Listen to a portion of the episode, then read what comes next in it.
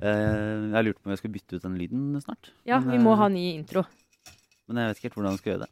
Men ja, Dette, nå, nei, dette må jo jeg nå, på. ja, Ja. nå er vi i hvert fall i gang eh, med denne ukens eh, Aftenpodden, eh, rett og slett. Så velkommen til det. Eh, jeg er Lars Glomnes eh, med politisk redaktør Trine Eilertsen. Halloi. God dag. Og kulturredaktør Sara Sørheim. Hallo. Hei sann. Eh, Lille Aksel sitter og rangler litt i bakgrunnen. Vi er en uh, familiepodkast. Uh, rett og slett.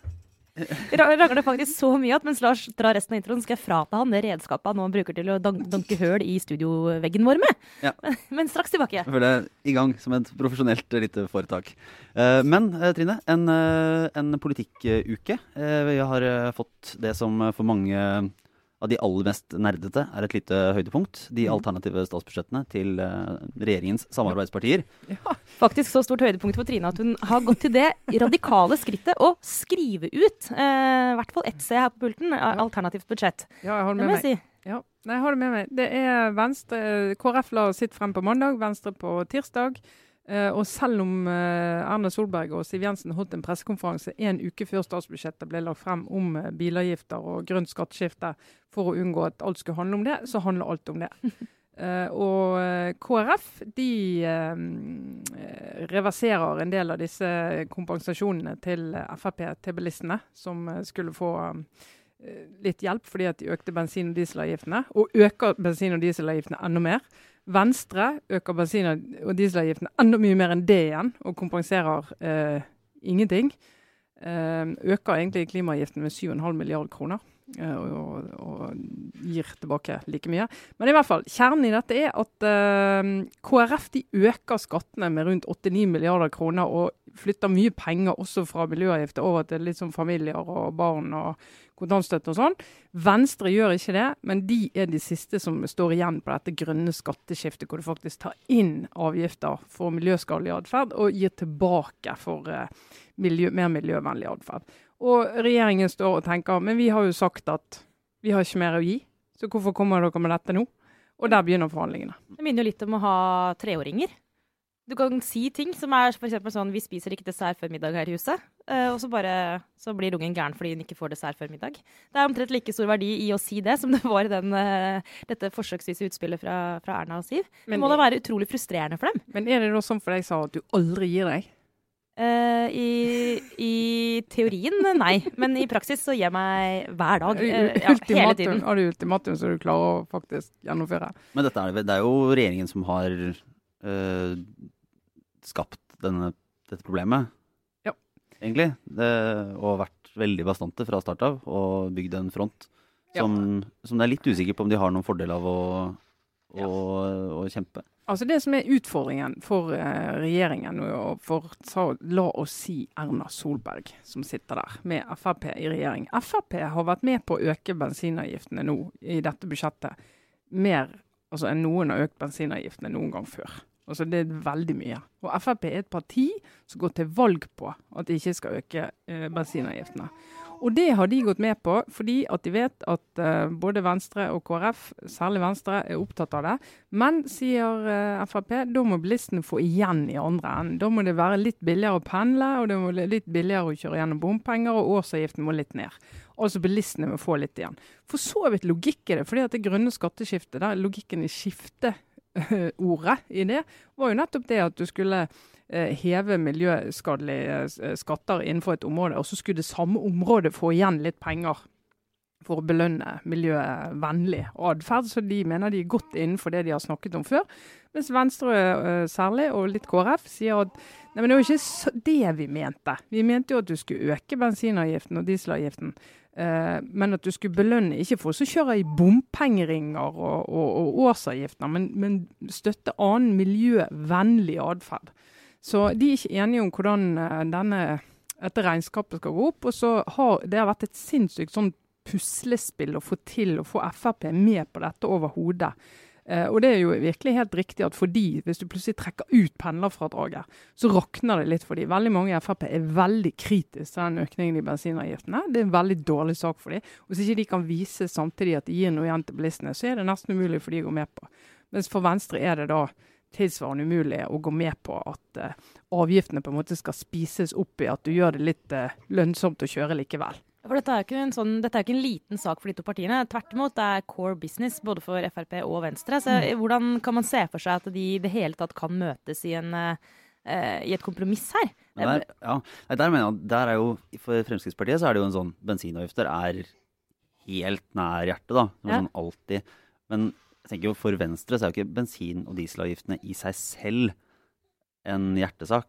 Uh, og, så jeg vil jo tro jeg Det kan jo vise seg at jeg har tatt feil, da, men jeg mener at det har vært litt sånn litt konstruert uh, konflikt å spisse det til på akkurat bensin- og dieselavgiftene. Fordi altså, Venstre vil kunne, kunne få til en uh, avtale og være fornøyd med det å forsvare det. Selv om det ikke er bensin- og dieselavgiftene som avgjør. altså De kan finne milliarder på andre steder og argumentere overfor sine velgere om at dette fortsatt er et bedre miljøbudsjett. Ja, det blir selvfølgelig vanskeligere av at, uh, at, de har gått så hardt ut på akkurat denne tingen. da. Ja, de har gått veldig hardt ut på akkurat den avgiften. Og det er jo en del som lurer på hvorfor de gikk så hardt ut på akkurat, akkurat den, og på en måte snevret det inn. Og prøver Trine Skei Grande å si at det er det regjeringen som har snevret det inn til å handle om bilavgifter, og at for Venstre handler det om mye mer. Uh, men oppfattelsen der ute, etterlatte inntrykk er at for Venstre så handler det også om det.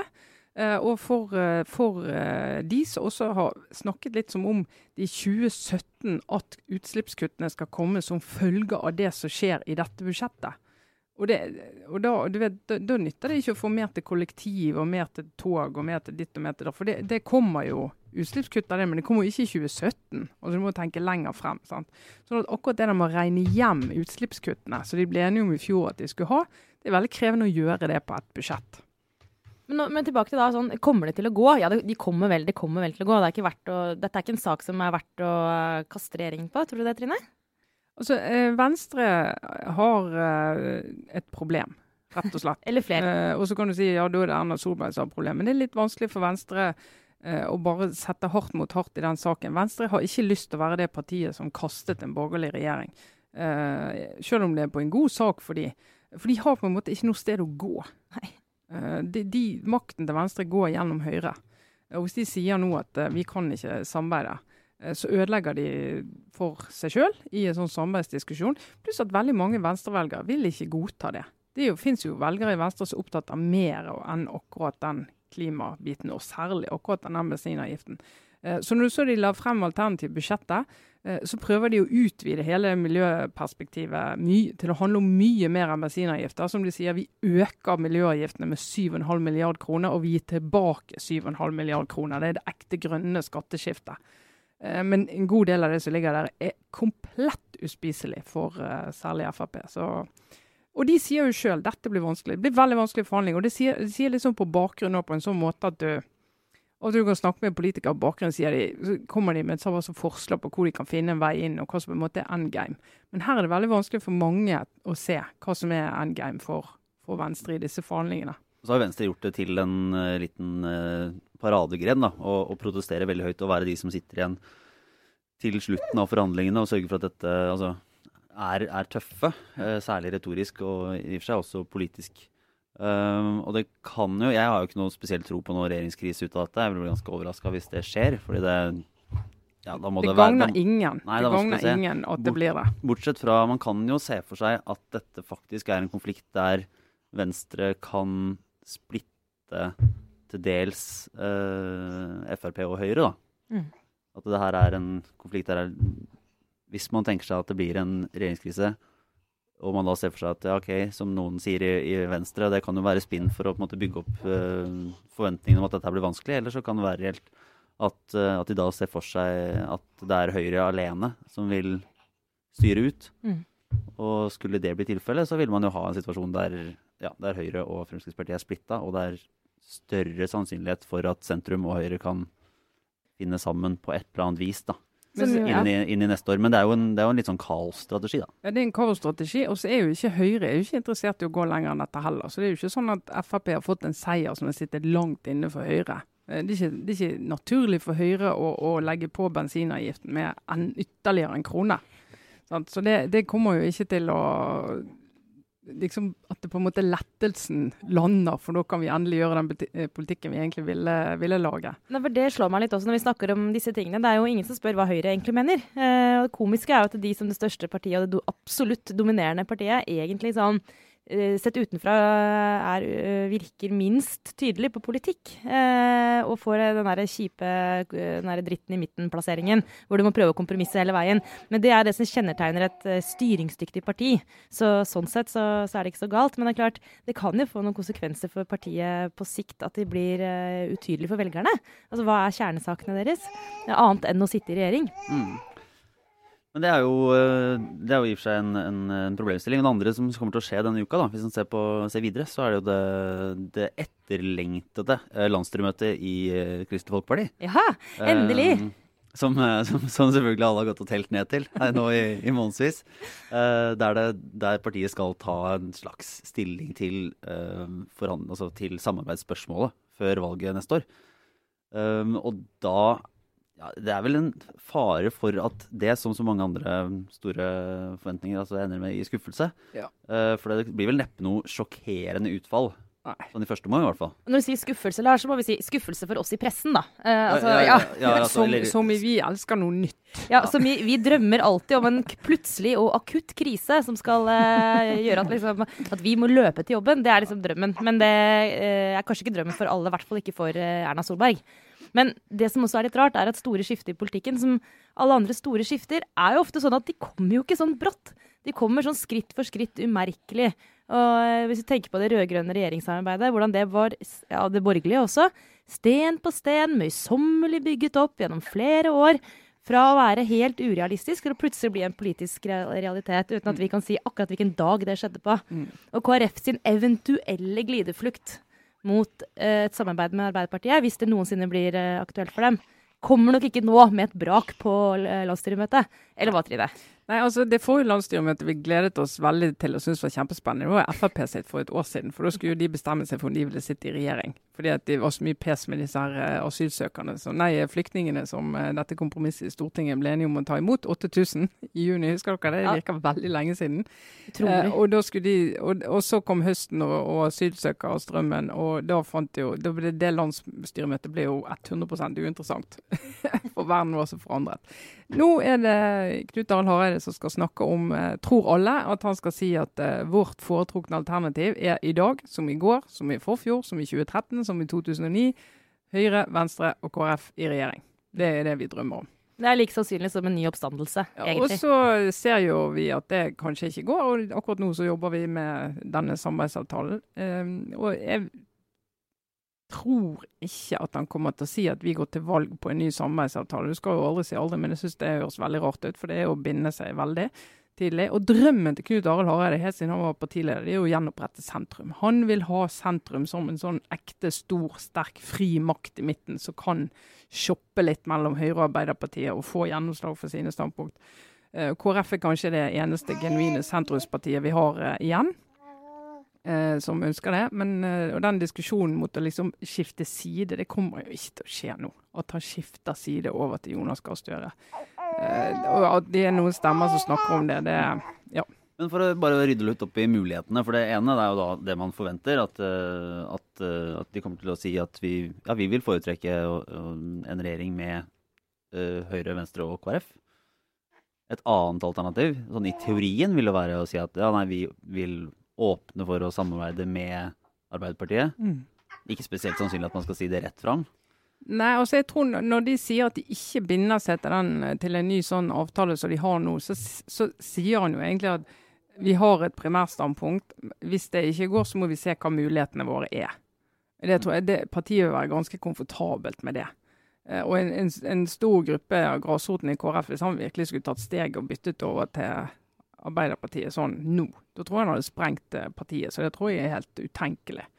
Uh, men da, da har han en mulighet. Altså, vi vet jo også at det snakkes jo om eh, Enkelte snakker jo om De er veldig nysgjerrige på hvordan uh, de, regjeringen evaluerer den samarbeidsavtalen de har hatt nå med Venstre og KrF.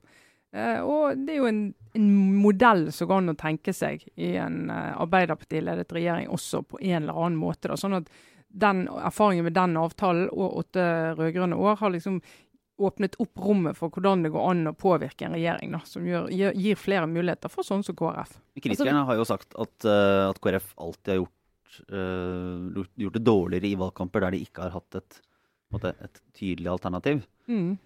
Uh, nå har ikke jeg all måte, historikk i hodet på, på det, men er, altså, er det er det sant? Jeg kan få spørre deg da, Trine. Er det sant? er det sant? Du som er et vandrende leksikon. Ja, ja. ja, altså 2009 var jo litt sånn katastrofe for, uh, for uh, den siden. Altså regjeringsalternativet vi nå ser på. Fordi at det ikke var noe realisme i at de skulle greie å styre sammen. Så for velgerne så var det litt sånn Ja, hva, hva er det vi Altså borgerlig kaos sto som en påle mm. eh, som argument mot det alternativet. Uh, og det var jo en av grunnene til at de greide liksom med sammenbitte tenner å liksom snakke ut av munnviken si at jo, hvis vi må, så kan vi styre mye vi er forskjellige på. Bare det er på rett side, og bare det blir et skifte. Uh, og det gagnet de jo i valget, da. Det mener de jo sjøl, og evaluerer sjøl at det var viktig for de i valgkampen å kunne være tydelige på det. Uh, men det er jo en annen situasjon fire år etter, og for um, KrF uh, særlig. da. For Venstre de er jo låst i den siden de er. Det, mm. Jeg ser ikke for meg at du skal få en lignende debatt der. Men, så vi har skrevet uh, tidligere i uka vel, i Aftenposten, så er det jo i hvert fall ikke sånn at Arbeiderpartiet ønsker seg noen krise nå. Fordi dette er jo litt kompliserte forhandlinger. Man skal finne fram til noen kompromisser og kanskje noen avtaler på bakrommet. og veien til makt for Arbeiderpartiet går jo sannsynligvis eh, gjennom KrF. Men Støre trenger jo lengre tid på å klare disse manøvreringene, og eventuelt om det er noen, det er noen muligheter for han eh, til høyre for Arbeiderpartiet. da. Altså Veien til makt for Støre går gjennom et nytt stortingsflertall, først og fremst. Så for han å begynne å eventuelt styre på det som er nå, det er jo helt ødeleggende for en valgkamp for Arbeiderpartiet. Det er jo ikke det de har lyst til å bruke tiden på i vår. De har jo mm. lyst til å få et så godt, god situasjon og posisjon i Stortinget som mulig i uh, september neste år. Ap-strategene vil jo nå ha så dårlig stemning som mulig uten at det blir et faktisk brudd. Mm.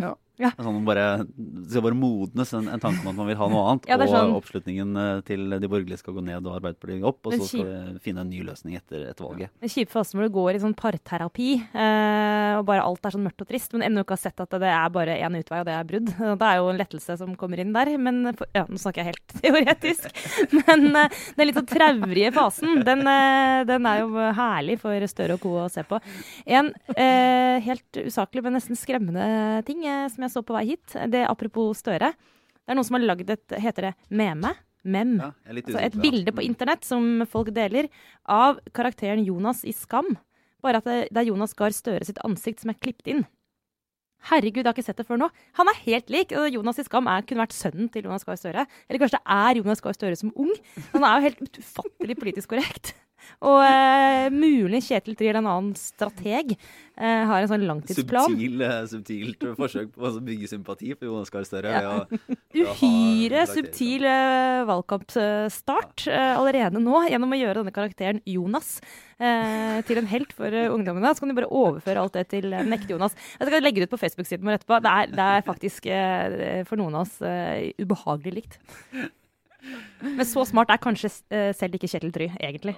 Ja, han er overalt. Jeg skulle ikke forundre meg. Men uh, Trine, du skal på fest i kveld? ja, skal på fest i kveld. Jeg og 399 andre, da, må jeg vel si. Eh, vi skal på fest i Oslo rådhus. Og så skal vi feire at uh, Olje-Norge er 50 år. Ja, og det Vi har snakka om alternative statsbudsjetter og statsbudsjetter. Eh, ingen, ingenting hadde jo vært eh, egentlig noe å snakke om engang, hadde det ikke vært for denne 50-åringen som eh, du skal Nei. feire i dag. Og det er jo litt morsomt. Det er jo, eller morsomt, det er veldig sånn Det viser egentlig hvor komplisert eh, dette er. Den uken Olje-Norge, som uh, det kalles. Det er jo Norsk olje og gass blant annet som står bak. Det kaller jeg Kjøtt-Pedersen og gjengen. Og så er regjeringen som inviterer på middag da, for å feire Olje-Norge 50 år. Begynte å bore for 50 år siden. Um, det, denne feiringen skjer samme uke som eh, vi får inntrykk av at LO omtrent kan sprenges eh, som følge av uh, uenighet om uh, konsekvensutredning av uh, olje, oljevirksomhet i Lofoten og Vesterålen. Og den uken regjeringen kan veltes pga. Uh, avgifter knyttet til klimaspørsmålet. Så det viser jo liksom bare hvor sammensatt det er. Og Trine Skei Grande har sagt nei takk til å gå på denne middagen i kveld. For som hun sier, hun uh, syns ikke det er noe å feire. Uh, men det er det jo mange andre som syns. Jeg er blant de som syns det. At det er det. For dette var jo virkelig forandret Norge fullstendig. og ikke, Jeg husker ikke farten hvor mange milliarder dette har bidratt til, men eh, 7000 milliarder eh, ligger nå og lunker på i pensjonsfondet utland.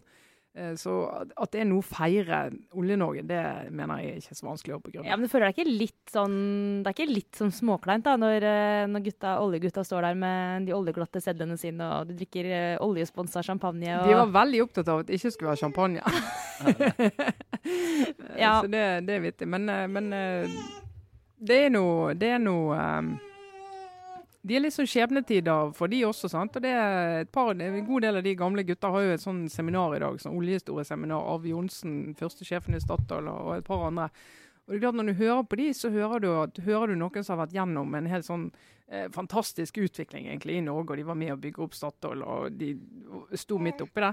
Og de har vært med på en del sånn teknologisk gjennombrudd som ingen kunne tro var mulig. Og de, og de er veldig sånn optimistiske på at sånn skal det fortsette. Altså Vi skal fortsette med akkurat denne bransjen i Norge til uh, i uoverskuelig fremtid. Uh, og vi skal fortsette å gjøre teknologigjennombrudd som gjør at det her klimagreiene, det løser seg. Det løser seg. Men problemet er bare at hva tid har de til å gjøre det, hvis du begynner å miste legitimitet uh, for virksomheten? Og nå inne i LO så altså diskuterer forbundet offentlig ansatte versus de i privat sektor. Skal vi gå mot hele greia. Men mener du, eh, mener du, Trine, at det er umulig å være på en måte skeptisk til bransjen i framtida, men likevel være takknemlig for det som har vært før? Må jeg mene det er umulig? Ja, eller er det kanskje det Trine Skei Rande mener? Ja, det, jeg mener at det, det må jo være mulig å si at det vi har gått gjennom som nasjon med oljeeventyret, er akkurat det. Det er et eventyr. Eh, men så kan du si at men det kan ikke fortsette. Uh, fordi Pga. utslippsproblematikken så er vi nødt til å gjøre noe med det. Og vi, vi ser ikke for oss 50 år til. Det må jo gå an å mene. Uh, som kanskje, som nok Trine Skei Grande mener. Uh, men jeg syns det er litt sånn rart å ikke være med på at det har vært en god greie for Norge. Det har det jo vært, må vi kunne si. Selv, Ja. selv om man ikke er fra Vestlandet. Selv, ja, altså det, det går ikke an å argumentere mot det. Men det er jo, det er jo en, en, nå er det jo en sak som splitter liksom tvers gjennom i, hele, i norsk politikk. da. Eh, nå havner vel ikke LO-kongressen ut i Uh, uf uføre, holdt jeg på å si, hvor de går inn for et vern, varig vern av, eh, av nord. Men, men det har jo aldri vært, tror jeg, en sånn situasjon i LO at du har hatt forbund mot forbund. Uh, og hvor verneaktivistene, for å kalle dem det, da, har vært såpass nær uh, et vedtak. Så det er jo kanskje, og og det er ikke noe tvil om hva AUF mener, og den, de der millennials, eh, den generasjonen som kommer nå som skal redde verden, og som faktisk tror eh, og har forstått at det blir et, eh, en miljøkrise rett rundt hjørnet.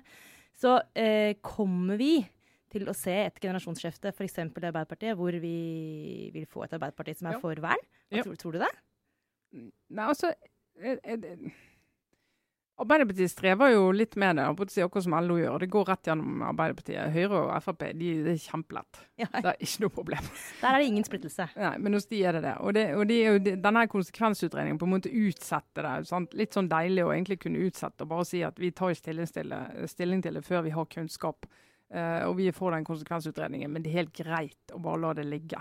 Og nå er det jo, det er litt sånn som så EU-saken. Det finnes jo ikke et eh, realistisk regjeringsalternativ hvor ikke den saken blir satt på spissen. da.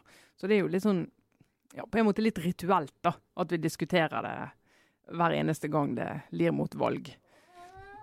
Men det er jo noen flere, da. Det er mange som har interesse av at det er et, uh, at det er et tema. Altså egentlig ikke så veldig stor interesse at det er noe bevegelse i spørsmålet, kanskje. Nei. Men det er klart i LO, jeg hørte Mette Nord i Fagforbundet når hun eh, snakker om det, så altså, det går jo an å forstå at en del av de i industrideler av LO blir eh, litt eh, oppgitt. Hun sa jo bl.a. det at den ene gjengen da i, i LO, eh, disse industrifolkene, de har jobben med å pumpe opp olje, mens alle vi andre vi må bære konsekvensene av, eh, av at vi får et våtere og villere klima.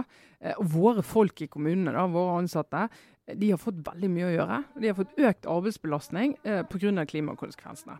Eh, Med, med, med, med andre ord, hvis du, hvis du sier nei til konsekvensutredning i Lofoten og Vesterålen, så ordner det seg nok i løpet av et par års tid. Så blir det mindre å gjøre i kommunen. Det blir mindre flom. Det er liksom, og ikke noe sånn Lurer på om kommunene skulle begynne å regulere på en annen måte. Det er liksom én til én på det, da. Så det, Det er bare, sånn, det er bare sånn elsk på at fagforeningsfolk klarer å gjøre alt til et spørsmål om arbeidstakernes hverdag og arbeidsbelastning. Sånn at klimakatastrofer Det er litt mer sånn Det blir altfor mye holke. Folk eh, detter og brekker beina. Det blir veldig tunge løft for sykepleierne Blir mye våre. overtid. Blir mye overtid. Ja. Ja, men øh, det var vel øh, Det var liksom den øh, litt tung øh, tung politisk uke. Sånn i uh, mange, mange ting, også, rett og slett. Og litt store saker. Ja, vi unner dere en skikkelig fest i kveld, eh, Trine. Ja, det blir, Ja. blir koselig. Kongen er der òg. Kongen er der, statsministeren òg. ja, det, blir, det, blir, gøy å se hvem som er der, faktisk. Min indre aktivist, som Ja. jo sitter sånn gjemt et eller annet sted inni det jeg har igjen av, av hjertet etter disse årene i, i pressen. Eh, Jeg ville, altså jeg ser lett for meg de der bannerne man kunne lagd, og den uh, irritasjonen man kan kjenne. Det må jo være noen kids nå som kjenner sin besøkelsestid, steller seg opp utenfor festlokalet. Hvor er det hen? Rådhuset. Det er selvfølgelig Rådhuset. Og uh, kommer med litt sånn harme retta mot da stivpynta, festkledde Redaktører fra Aftenposten og kongen og ah, liksom det sjiktet, da. Altså folk som skal feire, for å feire 50-åringen. Altså selv om jeg rasjonelt sett eh, jeg- altså jeg, jeg finner ingen grunner for at vi ikke skal fortsette med oljenæring i Norge eh, i ganske lang tid. Men det er ikke noe men, men, men det er Finner ikke noe noen. jeg finner noen emosjonelle, og de kjenner jeg at de presser seg frem nå. Så kom igjen. Jonas, Skam-Jonas, burde konfrontere Store-Jonas, eh, syns jeg, og komme og dukke opp og demonstrere litt i dag. Men så er det rett ut av norsk olje og gass. Direkte. Direkte inne Direkt fra. Skjøttens kontor. Ja, nå, nå får du bank på Twitter, Sara. Det kan jeg garantere. Ja, ja. Men eh, nei, eh, har vi noe obligatorisk refleksjon da, for å nærme seg avslutningen av denne uka? Helt tilfeldig så kom jeg over denne uka en, et eh, fantastisk oppslagsverk fra vår relativt nyere, moderne norske historie. som var altså, Jeg husker ikke helt tittelen på det, faktisk, men det var noe sånt som Den store husmorhåndboken fra eh, 1960, som var over to bind og sikkert ja, 800-900 sider, da, som rett og slett tar for seg alle viktige og tilsynelatende også litt uviktige sider ved husmortilværelsen. Og tar det på alvor. Dette er, det er litt sånn eh, Se for meg at det er forløperen til kvinneguiden.no, for du har svaret på absolutt alt Ja. og hvordan ting skal gjøres. Ja. Eh, men fascinerende var egentlig å se Det er litt lett å glemme hvor annerledes hverdag man hadde da bare for eh, 50 år siden. Eh, for da var det jo eh, det var rett og slett en håndbok i hvordan det var å være ja, kvinne og mor da, i Norge på, på 60-tallet. Og alt er jo da fullstendig retta mot det, det yrket det var å være husmor, eh, med den aller største selvfølgelighet. Eh, og det, var, eh, det, er, det er veldig veldig mange interessante ting, og det er gøy å lese. Men det var også annet en bet merke en liten formulering om hvordan, hvordan den vidunderlige nye oppfinnelsen oppvaskmaskinen, som gjorde at husmoren kunne sette den på, eh, gå ut og gjøre innkjøp eller stelle i hagen. Og så Mm. komme tilbake noen timer senere og ha alt på plass. Ja. Dette i tillegg til alle mulige slags oppskrifter på hvordan man vasket uh, alle typer tøy. Men det var jo fint å se uh, bare hvor, ja, hvor annerledes det var. Ja, men jeg tror, jeg tror det er vanskelig å begripe hva kvinnefrigjørende vaskemaskin og oppvaskemaskin og en del sånne ting har vært. Tenk deg hvor mye tid de brukte på å vaske klær back in the day. Det gjør ikke vi. Men eh, nei, altså min eh, obligatoriske refleksjon eh, Jeg må nesten løfte opp igjen eh, temaet sperrefrister. For det var en så veldig vittig sak denne uken her. Det Nordisk råds litteraturpris ble jo delt ut uh, her om dagen uh, denne uken. Og den, eh, det er veldig veldig hemmelig. og det, I år skulle det deles ut i København. Da sitter liksom en svær sal der med alle forfatterne som er nominert, alle forlagene til forfatterne, masse kulturfolk fra hele Norden da, nødvendigvis. Og så skal de få vite hvem, hvem som har vunnet prisen. Uh, og så har eh, vi i Aftenposten er jo blant de som har trodd at uh, akkurat vi har får alltid akkurat vite hvem det er litt før, sånn at vi rekker å få det med i papiravisen dagen etter, mot at vi ikke publiserer noen ting før prisen er delt ut i København.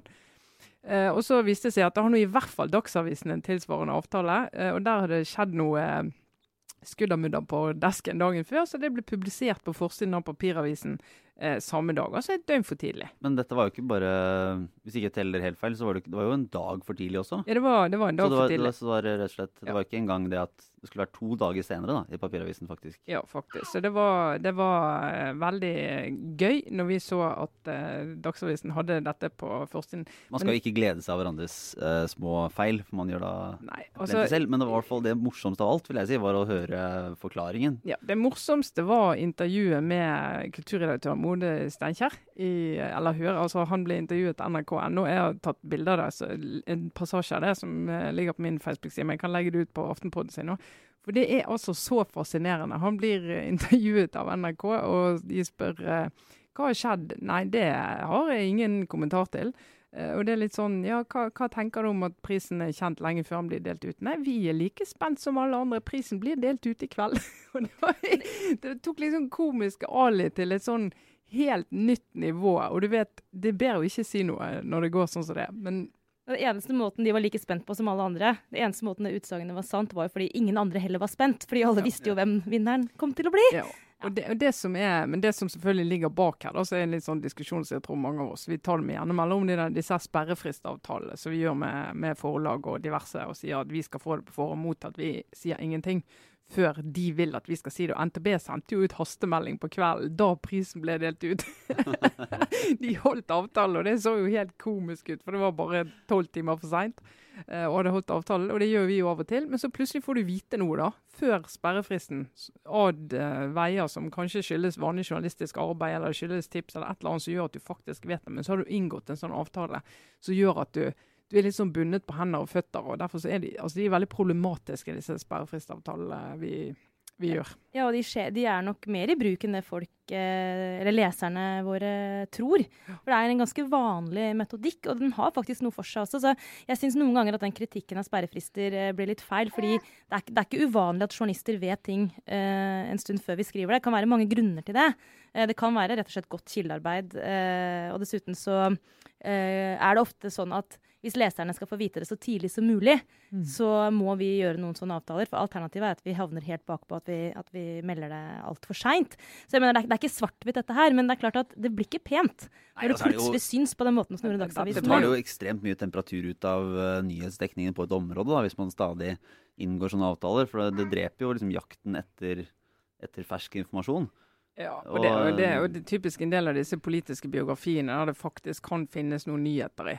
Eh, så har det, jo, har det jo ofte blitt mer og mer sånn at hver redaksjon får sitt kapittel eh, mot at du holder en sperrefrist. Eh, og så sier du ingenting før det. Og hvis ikke du er med på det, så får du ingen kapitler. Så da blir du liksom stående der og har ingenting mens de andre har noe.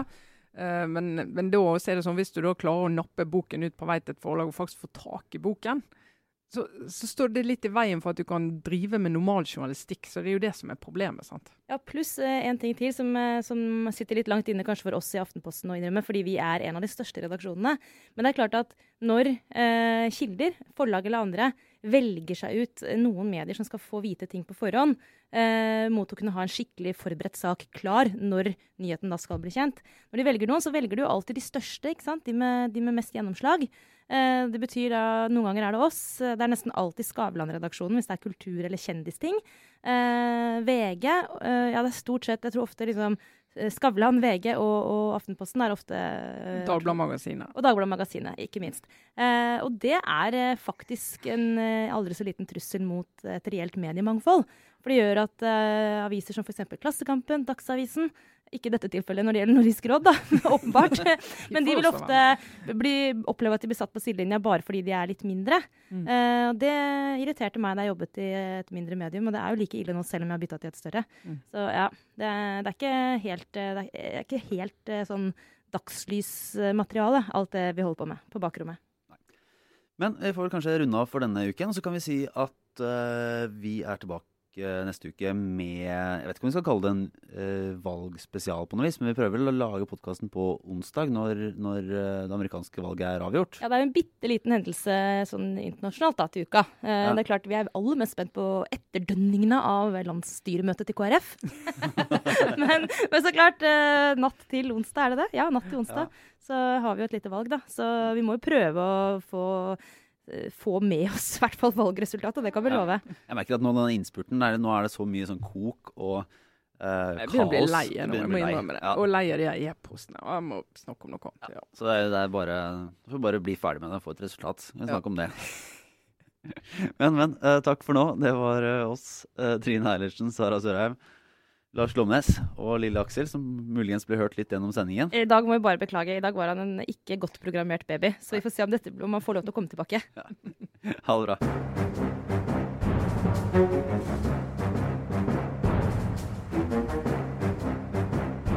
thank